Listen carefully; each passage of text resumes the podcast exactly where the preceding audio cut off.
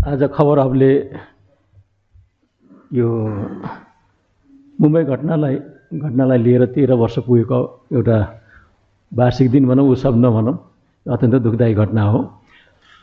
त्यसलाई मार्ग गर्ने हिसाबले र आतङ्कले कति क्षति पुर्याउँछ र आतङ्क के हो भन्ने कुरालाई र विश्व समुदायले त्यसलाई कसरी हेर्छ भन्ने कुरामा हामी चर्चा गर्न गइराखेका छौँ।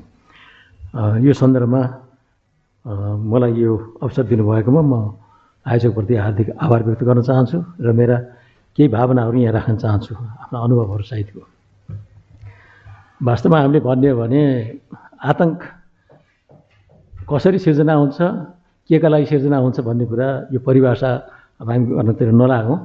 खास गरी आतङ्क कुनै निश्चित उद्देश्य या राजनीतिक होस् या आर्थिक होस् या अरू कुनै सामाजिक अभिष्ट पुरा गर्नको लागि मानिसहरूले हिंसाको मार्ग अवलम्बन गरेर र हिंसाबाट सरकार जनता र त्यसपछि गभर्मेन्ट जुन छ स्टेक होल्डरहरूलाई दबाब दिएर त्यसपछि आफ्ना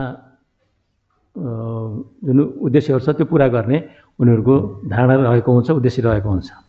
तर कतिपय कुरा के हुन्छ भनेदेखि त्यो आफ्नो डोमेस्टिक सिलसिलामा ती घटनाक्रमहरू कतिपय अप्लाई हुन्छन् भने कतिपय के हुन्छ भने अन्तर्राष्ट्रिय आतङ्कवादले एक अर्को कन्ट्रीलाई क्षति पुर्याएर आफ्नो इबी सान्ने बदलावको भावनाले काम गर्ने र अर्कोलाई कमजोर बनाएर र अर्काको क्षति पुर्याएर कमजोर अरू दृष्टिकोणले होइन एउटा सकारात्मक दृष्टिकोणले प्रतिस्पर्धात्मक दृष्टिकोणले नभएर हिंसाको माध्यमद्वारा त्यहाँको जनधनको क्षति पुर्याएर त्यसपछि आफ्नो अभिष्ट पुरा गर्ने अन्तर्राष्ट्रिय आतङ्कवादको यो अहिलेसम्मको एउटा ट्रेन्ड यसको क्यारेक्टर त्यसरी देखिराखेको छ।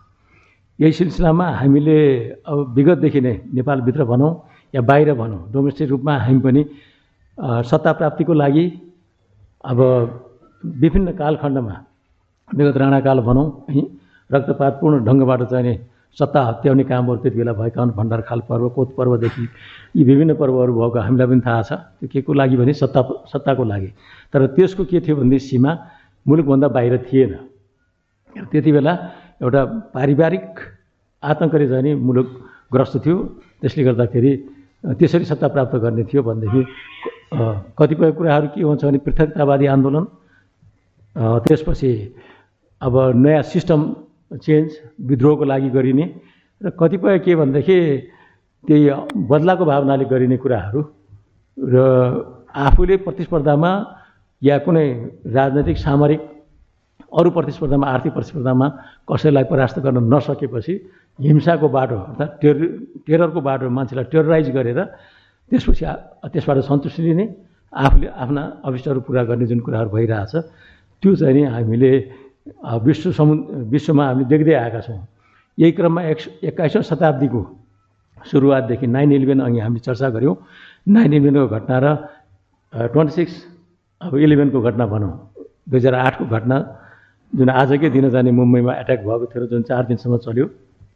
र त्यो घटना यी दुईवटा घटना एक्काइसौँ शताब्दीका सुरुवातका घटनाहरूमध्ये अत्यन्त विश्व समुदायलाई जाने स्तब्ध तुल्याउने घटनाहरू हुन्। यसले विश्व समुदायको ध्यान आकर्षित गर्यो विश्व समुदायलाई यसरी त्रसित गर्यो कि त्यसले चाहिँ अब कहाँ के हुने भन्ने कुरालाई मानिसले चाहिँ टेरर क्रिएट गर्यो। मानिसले अब मुम्बई जस्तो एउटा आर्थिक केन्द्र बिन्दु भनौँ त्यति प्रतिष्ठित सहर र एउटा समुद्रको जाने पोर्टको रूपमा रहेको त्यो त्यो एउटा सहर चार चार दिनसम्म आतङ्कले जाने त्यसरी प्रताडित हुँदाखेरि है त्यहाँको जनजीवन कस्तो किसिमको रह्यो होला? भारत जस्तो सुरुदेखि नै धेरै पहिलेदेखि नै टेरिजमका टेरिजमलाई दमन गर्न टेरिजमको नियन्त्रण गर्नको लागि विभिन्न किसिमको संरचनाहरू तयार गरेर आफ्ना सैन्य क्षमता अरू सुरक्षा क्षमता आर्थिक क्षमतालाई त्यसतर्फ पुरै समृद्ध गर्दै आएको कन्ट्रीले चार चार दिनसम्म त्यसलाई ह्यान्डल गर्नको लागि समय लाग्यो। त भनेपछि यदि भारत जस्तो सक्षम देश यदि त्यसको लागि तयार नभएको भए चार दिनसम्म पनि नगरे अरू जस्तो हाम्रो जस्तो कन्ट्रीमा भएको भए त्यसले कति नोक्सान पुऱ्याउँथ्यो र त्यसले अरू के के ब्याड इफेक्टहरू त्यसले निकाल त्यसले उत्पन्न गर्थ्यो भन्ने कुरा हामीले सहजै अनुमान गर्न सक्छौँ। यो क्रममा त्यहाँ हामीले त्यति बेलाको पत्र पत्रिकामा चर्चा सुन्दाखेरि झन्डै झन्डै फोर हन्ड्रेड फिफ्टी भन्ने कुरा चर्चामाहरू आयो त्यो जस्तो ठाउँ त्यति तयारी गरिरहेको ठाउँमा पनि एनएसए त्यहाँको नेसनल सेक्युरिटी ग्रुप जो चाहिँ आतङ्कको लागि सबैभन्दा ठुलो तयार पारेको जनशक्ति हो। सुरक्षा जनशक्ति त्यही परिचालन हुन पनि नौ घन्टा लाग्यो। त्यस्तो आकस्मिक घटनाहरू त्यहाँ भयो। र अब यो कस्तो किसिमको घटना थियो भने होम ग्रोन घटना थिएन यो। यो चाहिँ नि बाहिरबाट आएका अर्थात् पाकिस्तानबाट पाकिस्तानमा हुर्काइ हुर्किएका र त्यहाँ इमर्ज भएका त्यति बेला लस्कर ए तोइबा र जैस ए मोहम्मद। यो दुईवटा समूह त्यसमा चाहिँ नि संलग्न भएको हामीले त्यति बेला चाहिँ नि पाएका थियौँ। यी दुईवटा शक्तिहरू यो शक्ति भनौँ कि त्यसलाई यो आतङ्कवादी जुन सङ्गठनहरू छ यो निर्माण भएको धेरै जसो कस्तो भनेदेखि भारतलाई टार्गेट गरेर नै गरिएको हामीले सुरुदेखि पाउँछौँ। यो दुईवटा शक्तिले भारतमा धेरै किसिमका घटनाहरू घटाएको छ श्रृङ्खलाबद्ध घटनाहरू। ती श्रृङ्खलाबद्ध घटनाहरूमा यो दुई हजारको रेड घटना भयो त्यसपछि दुई हजार एकको घटना भयो यो उसमा यो के अरे अक्षयधामवाला है?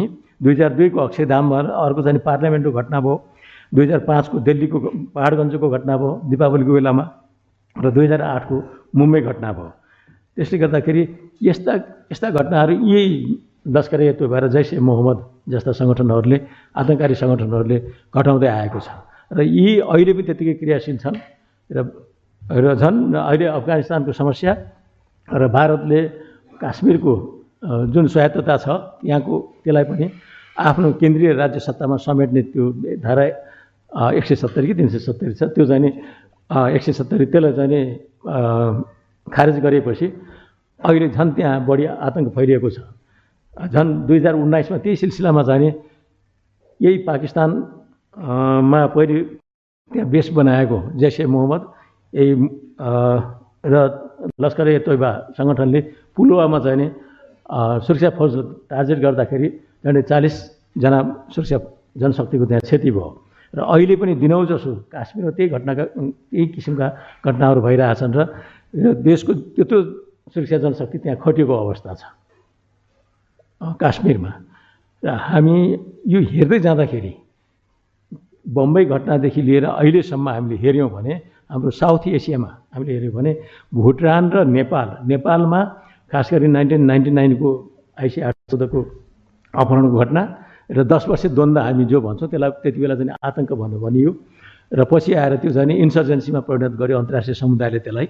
र अहिले आएर एउटा राजनीतिक शक्ति वैधानिक राजनीतिक शक्तिको रूपमा हामीले पाएका छौँ यी दुईवटा घटनालाई हामीले हेर्ने हो भने नेपाल र भुटान बाहेक अन्यत्र सबै साउथ एसिया यो आतङ्ककारी सङ्गठनहरूको उपस्थिति र क्रियाकलाप हामीले पाइरहन्छौँ।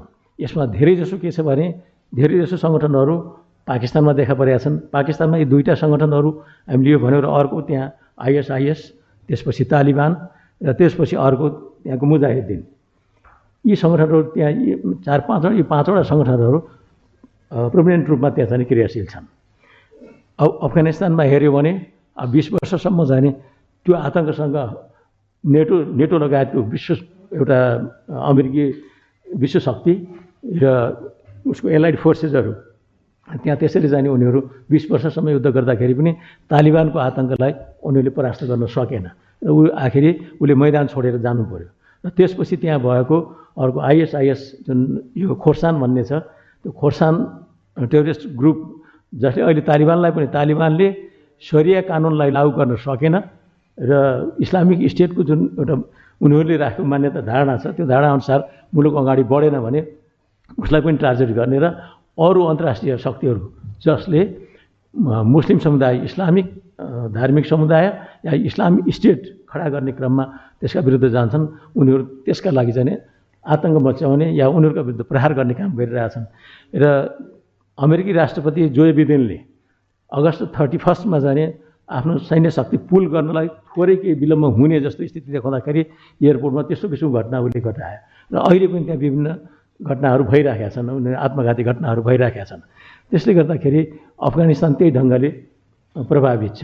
श्रीलङ्का हामीले हेऱ्यौँ भने एलटिटीको जब एलटिटीलाई महेन्द्र राजापक्षको सरकारले त्यति बेला दमन गरेपछि झन्डै बिस पच्चिस वर्षसम्म एलटिटीले पृथकवादी आन्दोलन जुन चलायो र त्यसबाट कति धेरै क्षति भयो त्यहाँ पनि र अहिले आएर त्यहाँभित्रको अर्को एउटा सङ्गठन त्यहाँभित्र अहिले यो टु थाउजन्ड नाइन्टिनमा त्यहाँ यो इस्टरको बेलामा जुन घटना त्यहाँ होटेल र जाने चर्चमा घटना घटना घट्यो त्यसमा त्यत्रो मानिसको क्षति भयो। झन्डै दुई सय असी मानिसहरू त्यति बेला मारिए र धेरै इन्जोर्ड भए त्यहाँ। र त्यो त्यो शक्ति पनि त्यति बेलाको त्यो त्यो शक्ति चाहिँ नेसनल तोहित जमात भनेर त्यो शक्ति चाहिँ त्यो आइएस आइएसले सपोर्ट गर्नु शक्ति छ त्यो। त्यसले गर्दाखेरि यस्ता शक्तिहरू त्यहाँ पनि सङ्गठन यो टेररिस्ट शक्तिहरू त्यहाँ पनि अस्तित्वमा नभएको होइन अस्तित्वमा भएर पनि उनीहरू त्यति क्षति क्षति पुऱ्याएको अवस्था छ। मालीमा हेऱ्यौँ भने छिटफुट घटनाहरू त्यहाँ पनि भइराखेका छन्। मालीमा पनि आइएसआइएसको सपोर्टमा त्यहाँ घटनाहरू भइराखेको हामीले देखेका छौँ। है केही विस्फोटका घटनाहरू क्षति मानवीय क्षति त्यति भएको छैन तर त्यहाँ टेरोराइज गर्ने कामहरू त्यहाँ भएको छ। बङ्गलादेश हामीले हेऱ्यौँ भने बङ्गलादेशमा चाहिँ यो त्यहाँको इटालियन क्याफेमा त्यहाँको चाहिँ उग्रवादी सङ्गठनले आतङ्ककारी सङ्गठनले जसरी प्रहार गर्यो र चौबिसजना त्यसमा इटालियन नौजना सातजना जापानिज र सातजना इन्डियन र एकजना एकजना लोकल त्यहाँको व्यक्ति। उनी त्यसरी मारिए। र त्यसरी चौबिसजनाको त्यहाँ हत्या भयो। त्यहाँ पनि र अहिले त्यहाँ पनि धार्मिक कट्टरपन्थ यति अगाडि छ कि गएको हामीले अहिले एक महिना अगाडि दसैँको चाहिँ हामीले हेऱ्यौँ भने त्यहाँ हिन्दू धर्मावलम्बी कुन किसिमले प्रहार गरियो र कति मानिसहरू हताहत भए। एउटा धार्मिक कट्टरपन्थ र अतिवाद त्यति मौलाएको अवस्था छ। पाकिस्तानको हामीले कुरा गऱ्यौँ बङ्गलादेशको कुरा गऱ्यौँ। त्यसले गर्दा भारतमा पनि अब हामीले हेर्दै गयौँ भने भारतमा पनि के छ भनेदेखि अहिले यो इन्डियन मुजाहिदिन भनेर हामी जुन भन्छौँ जुन उत्तर प्रदेशमा बढी त्यसको चाहिँ सङ्गठनात्मक गतिविधि हामीले देखिरहेका थियौँ र अर्को सिमली सिमी भनेर भन्छौँ। सिमी भनेको students movement of Islamic students movement of Islamic movement भनेर जुन भन्छौँ। यो विद्यार्थीहरूले सुरु गरेको जसमा चाहिँ धेरै जसो पढे लेखेका विद्यार्थीहरू त्यसमा संलग्न छन् र त्यो मुजाहिदिनसँग पनि संलग्न छ र त्यसले छुट्टै आन्दोलन पनि चला बाह्र पन्ध्रवटा त्यहाँ जाने श्रृङ्खलाबद्ध घटनाहरू इन्डियामा खास गरी यो हिन्दू धर्म समुदाय र धर्मावलम्बीहरूलाई टार्गेट गरेर उनीहरू त्यस्ता किसिमका घटनाहरू घटाएको छ। त्यो होम ग्रोन चाहिने जुन टेरोरिस्ट टेरोरिस्ट अर्गनाइजेसनहरू छन् तिनीहरूले पनि त्यहाँ त्यो ढङ्गको क्षति पुर्याउने काम गरिरहेका छ।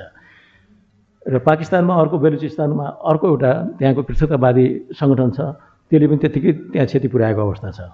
हामीले यी सबै कुरालाई हेर्दाखेरि साउथ एसियामा अहिले यतिखेर तत्कालको अवस्थामा हामीले हेर्दाखेरि नेपालको माओवादी सशस्त्र द्वन्द्व त्यति बेलाको आतङ्क समा शान्ति प्रक्रियामा आएपछि र भुटान बाहेक अरू सबै साउथ एसियन कन्ट्रीहरू यो आतङ्कवादको क्रिया आतङ्कवाद यो टेरर भय त्रास सन्तासबाट जाने तिनीहरू मुक्त छैनन्। त्यसले गर्दाखेरि र अब हामी यहाँ नेपालमा अघि प्रस्तावले हाम्रो मोडरेटर सरले भन्नुभयो मोडरेटर सरले डाक्टर अभय सरले कि हाम्रो खुला बोर्डर छ।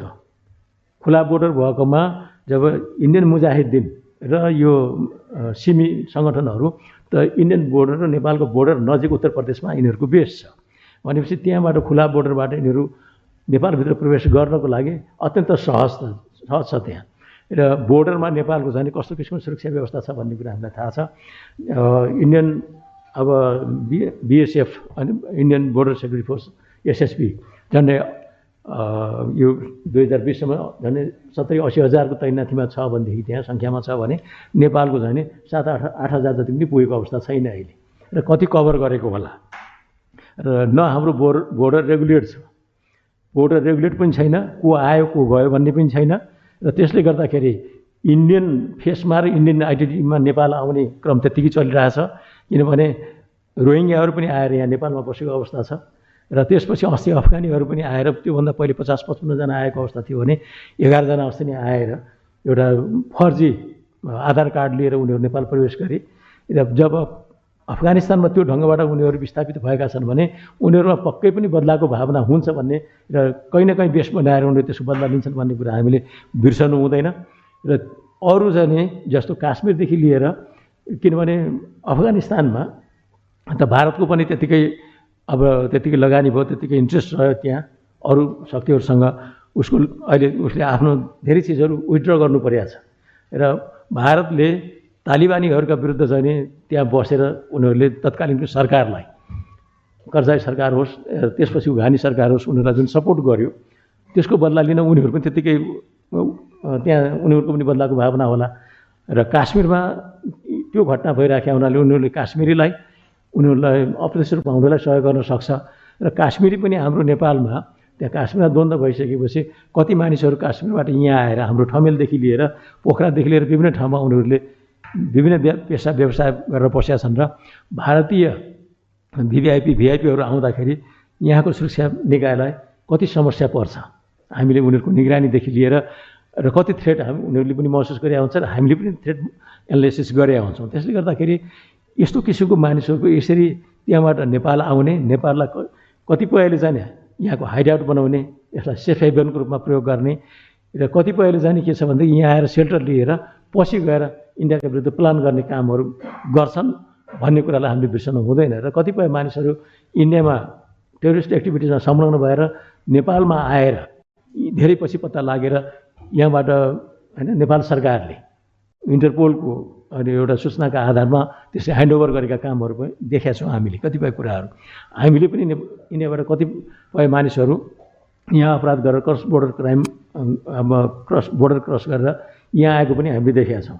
त्यसले गर्दाखेरि खुला बोर्डर हाम्रो जाने नेपालको लागि र भारतको लागि पनि त्यत्तिकै ठुलो चुनौतीको विषय भएको छ। अहिले टेरिजमको सिलसिलालाई लिएर।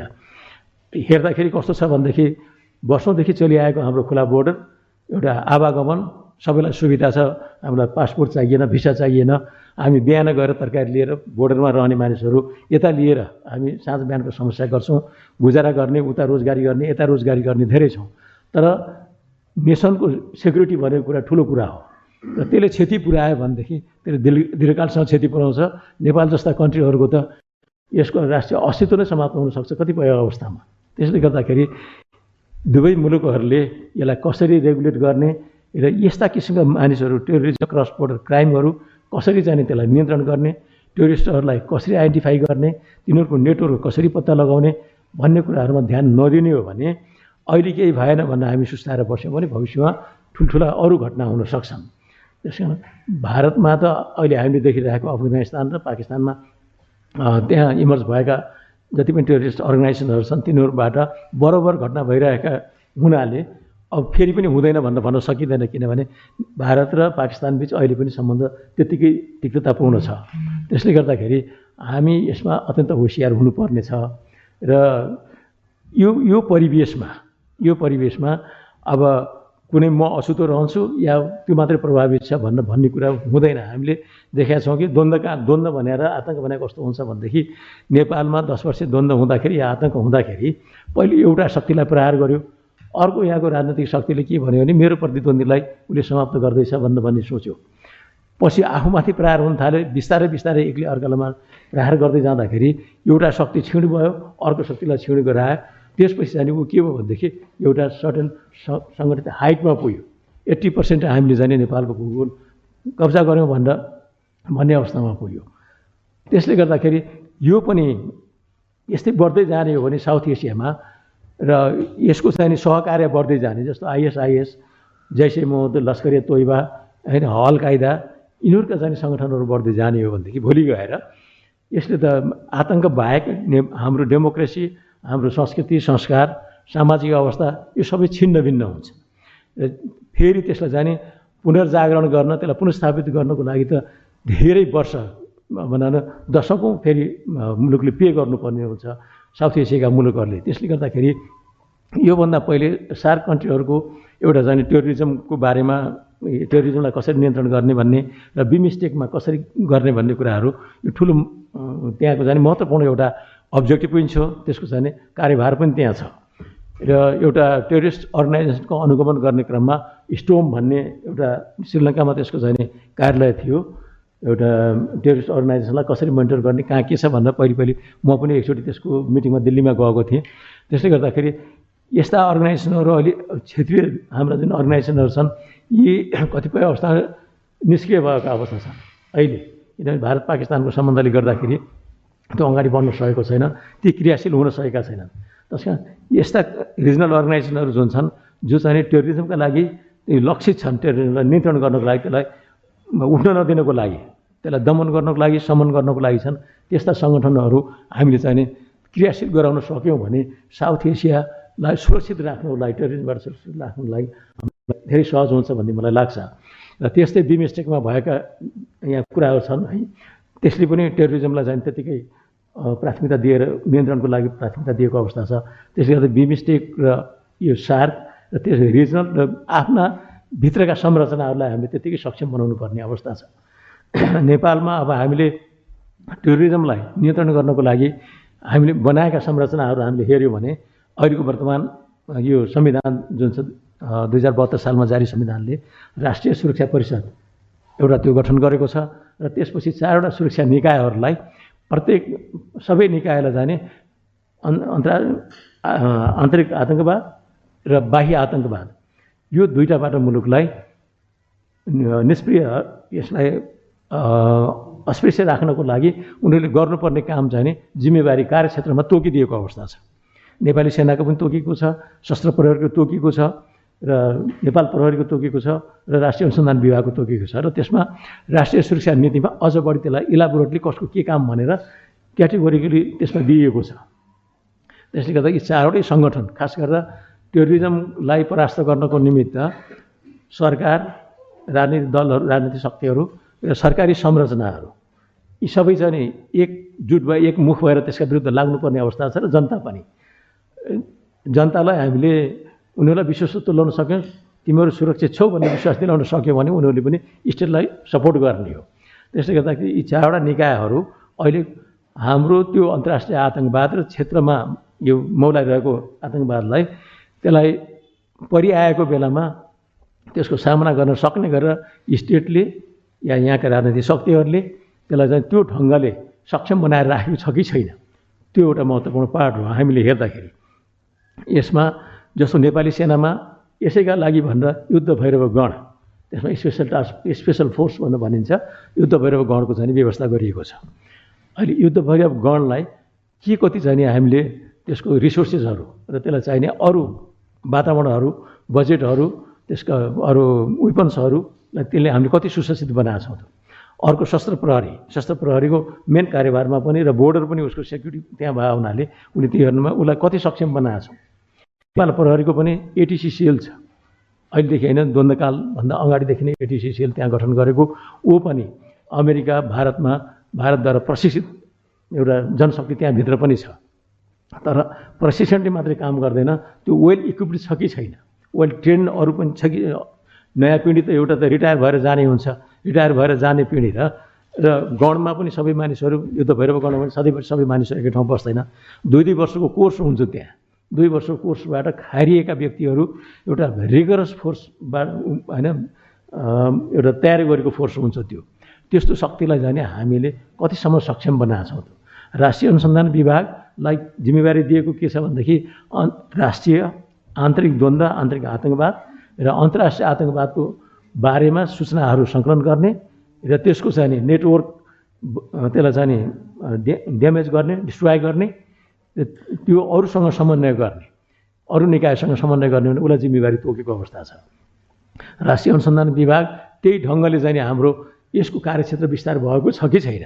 नेपालमा मात्र यो अहिले सीमित छ र भारतमा मात्र यसको चाहिँ सानो एउटा युनिट एकजना काउन्सिलर चाहिँ त्यहाँ प्रतिनिधित्व गरेको अवस्था छ। वर्ल्डमा सार्क कन्ट्रीहरू कमसेकम सार्क कन्ट्रीहरूमा मात्रै पनि यसले राख्न सक्यो भने कमसेकम सूचनाहरूको आदान प्रदान यस किसिम हुनसक्छ। मलाई श्रीलङ्काको घटनाको बारेमा मैले केही शिक्षाविदहरूसँग जसले मसँग सेयर गर्नुभयो र मैले केही पाएँ उहाँहरूले त्यहाँको चाहिँ नि प्रहरी आइजीसँग चाहिँ नि उहाँहरूले सेयर गर्नुभएको थियो इन्डियन इन्टेलिजेन्सले श्रीलङ्कामा भएको। तर उहाँ उहाँहरूले त्यसलाई चाहिँ नि त्यति अन- अनदेखा गर्नु अन्डरस्टिमेट जसले गर्दा स्टेटमा त्यत्रो घटना घट्यो। र त्यहाँको आइजी उहाँहरूलाई सरकारले कारवाही गर्नु पऱ्यो उहाँले हटायो। तर हटाउँदैमा चाहिँ नि समस्या समाधान त भएन। त्यत्रो क्षति त बियर गर्नु पऱ्यो र अहिलेसम्म त्यो टेरर त यहाँ त्यहाँ छँदैछ।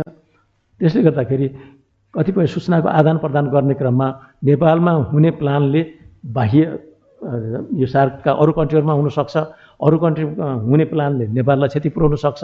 त्यसले गर्दाखेरि कोअर्डिनेटेड इफोर्ट हामीले चाहिँ नि सार्क रिजनमा हाम्रो एउटा सार्क जुन एउटा रिजनल शक्ति छ त्यो शक्तिलाई चाहिँ हामीले सशक्त र सबल बनाउँदै गएर यो ढङ्गले सूचना सेयरिङको कामलाई एउटा नियमित एउटा प्रक्रियामा ल्याएर विश्लेषण गर्न थाल्यौँ भने मलाई लाग्छ धेरै हदसम्म हामीले यो टेरोरिजमलाई परास्त गर्न सक्छौँ र यसबाट हामीले देशको सांस्कृतिक आर्थिक हाम्रो जति पनि यो संरचनाहरू छन् त्यसलाई चाहिँ हामीले जोगाउन सक्छौँ हामीले दस वर्षको द्वन्द्वमा हामीले हेऱ्यौँ भने अहिले हाम्रो सामाजिक संरचना कति ध्वस्त भइसकेको छ। हामी कुन ढङ्गले एकीकृत भएर बसेको राष्ट्रिय शक्ति एक सय अहिले अहिले त दुईवटा जाति अझ थपेर एक सय त्यहाँ एक सय पच्चिसवटा जाति भइसक्यो नेपालमा। त्यसरी बसेर घुलमिल भएर बसेको आपसमा कति द्वन्द्व सिर्जना भयो? अहिलेसम्म पनि त्यो द्वन्द्व बाँकी छ र त्यसले हाम्रो सामाजिक व्यवस्थालाई कसरी खलबलायो धार्मिक द्वन्द्व कसरी सिर्जना गर्दैछ? छि- पृथकतावादीहरू कसरी जुर्मुराउँदैछन्? त्यसले गर्दाखेरि यिनको बेस यी मात्र हुन्छ भन्ने हुँदैन। यिनको अन्यत्र जाने पृथकतावादी आन्दोलन जस्तो त्यति बेला भएको थियो सी कम्पोसा भन्ने थियो। हुन्छ। ठिक छ मैले मेरा यी कुराहरू राखेँ। त्यसले गर्दाखेरि मलाई लाग्छ हामीले कोअर्डिनेटेड इफोर्ट राखेर सार्क रिजनलाई आफ्नो कन्ट्री पहिले र त्यसपछि होल सार्क रिजन र सार्क रिजनमा हामी जति पनि सदस्यहरू छौँ यो सदस्यहरू भएको कन्ट्रीलाई आफ्नो मुलुकमा भएको घटना सरह हुने घटना सरह त्यहाँको क्षति र त्यसलाई लिन सक्यौँ र त्यो मर्मलाई हामीले मनाउन सक्यौँ र त्यो ढङ्गले व्यवस्था गर्न सक्यौँ भने मलाई लाग्छ। यसले अरू थप क्षति टाउको उठाउन पाउँदैन भन्ने मेरो विश्वास छ। त्यसलाई वर्ष दिन लाग्छ। हामी दुई घन्टामा यो सबै चिज सम्भव गर्न सक्ने कुरा पनि होइन।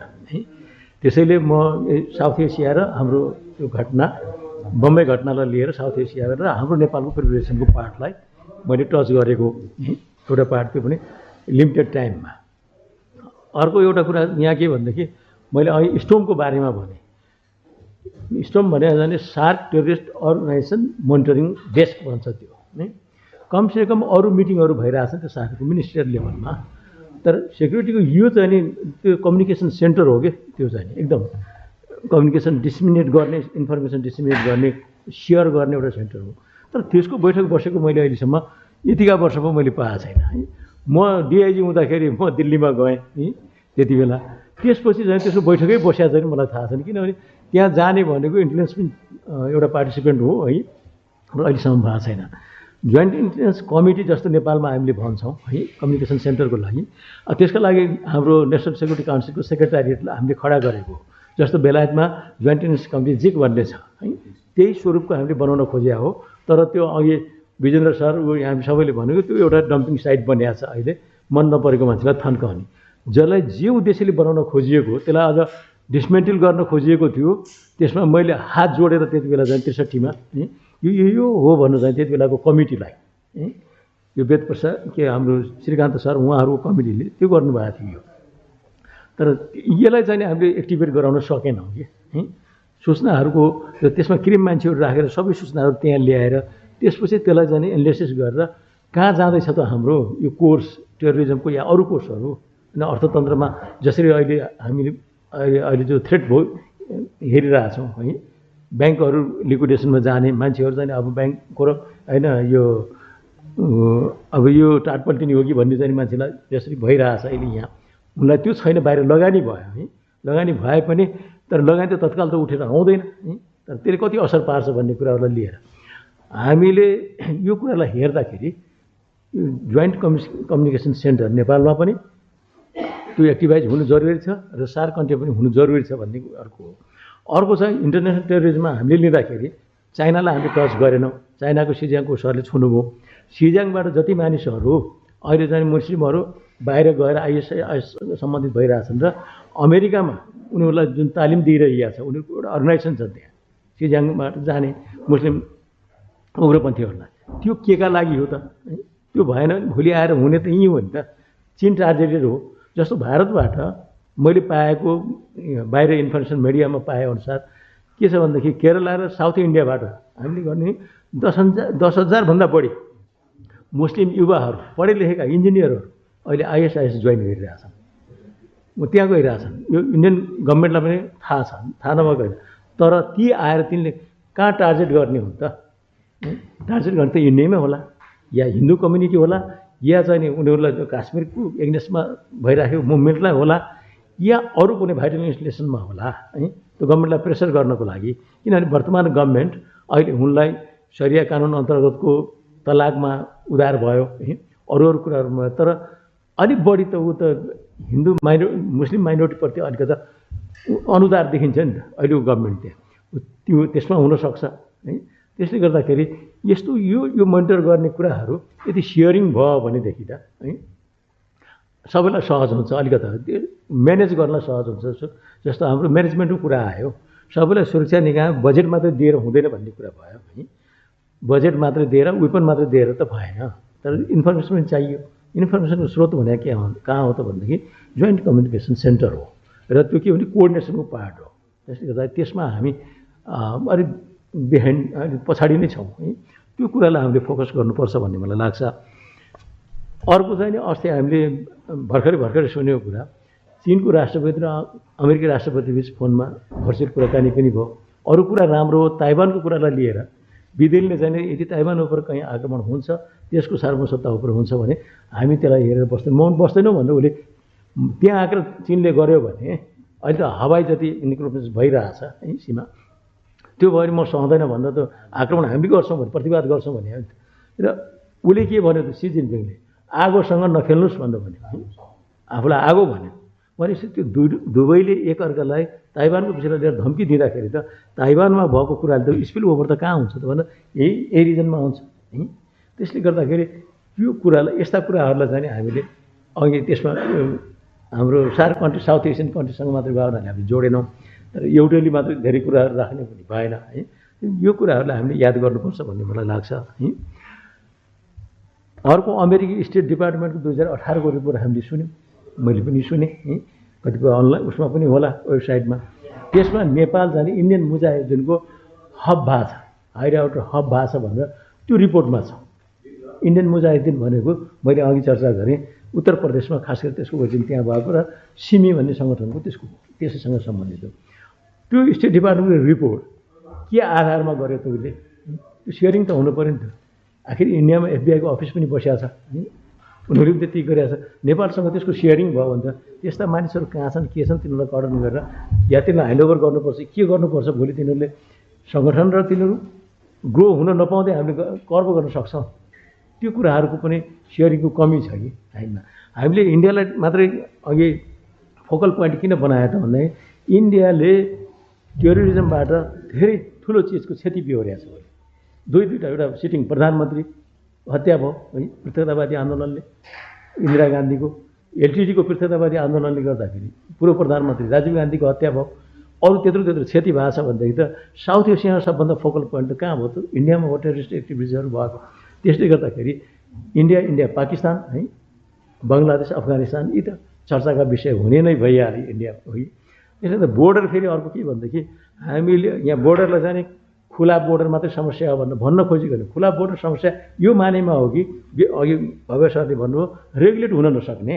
रेगुलेट गर्न हामीले जसरी प्लेन एयरपोर्टलाई रेगुलेट गरेका छौँ त्यहाँ पनि रेगुलेट गर्ने त who is who where does he stay how long भन्ने कुरा त थाहा हुन्छ नि त।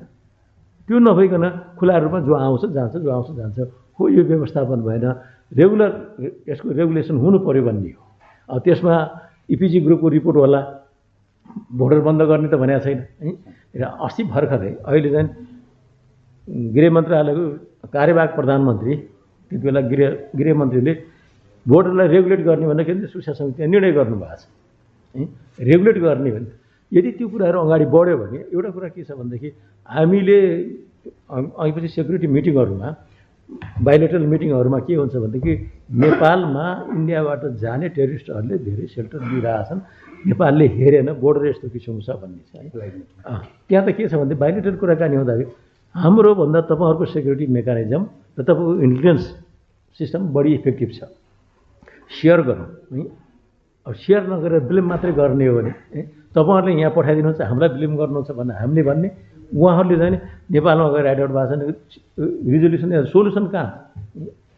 त्यसले गर्दा सोल्युसनको लागि पनि कम्युनिकेसन जरुरी छ बायोटोटल कम्युनिकेसन भन्ने मेरो एउटा त्यो भनाइ हो है।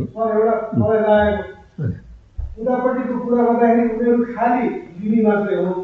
चिनी होइन सबैको इन्फर्मेसन छैन खालि अप्ठ्यारो पार्टी मात्रै हो त्यही त मैले भन्नुभयो अप्सन एक्लै अर्कालाई ब्लेम सिफ्ट गरेर जाने समस्या समाधान हुँदैन। अर्को मलाई यहाँ के भनेदेखि थ्रेट भन्ने कुरा नेपाललाई मात्रै हुन्छ भन्ने छैन नेपाली मात्रै पर्छ भन्ने छैन। टेरोरिजममा के छ भनेदेखि भारतले त्यत्तिकै चाहिँ नि उसले सामना गरिरहेछ टेरोरिजमको ऊ त्यत्तिकै ठुलो रिसोर्सेस खर्च गरेर टेरोरिजमसँग लडिरहेको छ अमेरिका वार अन टेरोरिजम भनेर टु थाउजन्ड वानदेखि लागिरहेको छ विश्वभरि। तिनीहरूका यति ठुला मिसन यहाँ नेपालमा छन् नि? त्यो टेरोरिस्टहरूले एट्याक गर्ने त त्यहाँ पनि गर्न सक्छ नि त। है अन्यत्रबाट यहाँ नेपालमा आएर है त्यसले गर्दाखेरि यी कुराहरूलाई हामीले हेरेनौँ भने हाम्रो त्रुटिहरू धेरै ठाउँ हुन्छन् र हामीले चाहिँ कोअर्डिनेसन सिस्टम र इन्फर्मेसन सेयरिङ सिस्टमलाई हामीले बलियो बनाउनुपर्छ। र त्यो चाहिँ पोलिटिकल विल छैन भन्ने कुरा त हामीले बुझिहालेका छौँ है उनीहरू आफ्नो आफ्नो पावरमा मात्रै छन् है।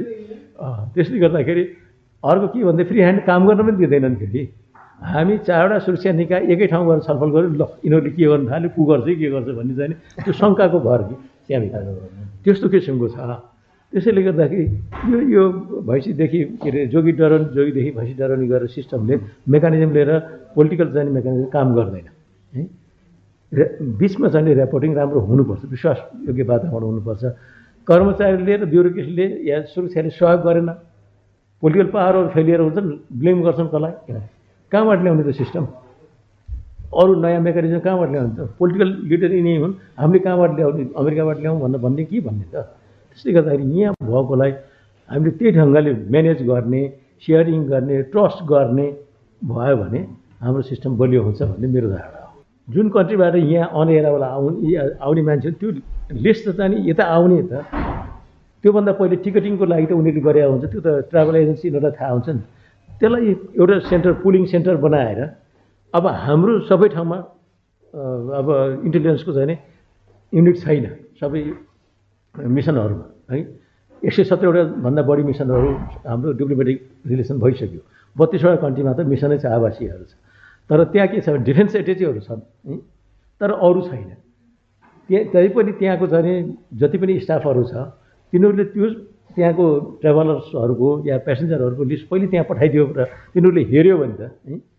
जस्तो हामीलाई थ्रेट भएको यहाँ आउने पाकिस्तान यहाँ रिजनल छ भने कमसेकम यति मात्रै साह्रो कन्ट्रीको त्यहाँबाट यहाँ पठाइदिन सक्यो परराष्ट्रले गर्यो।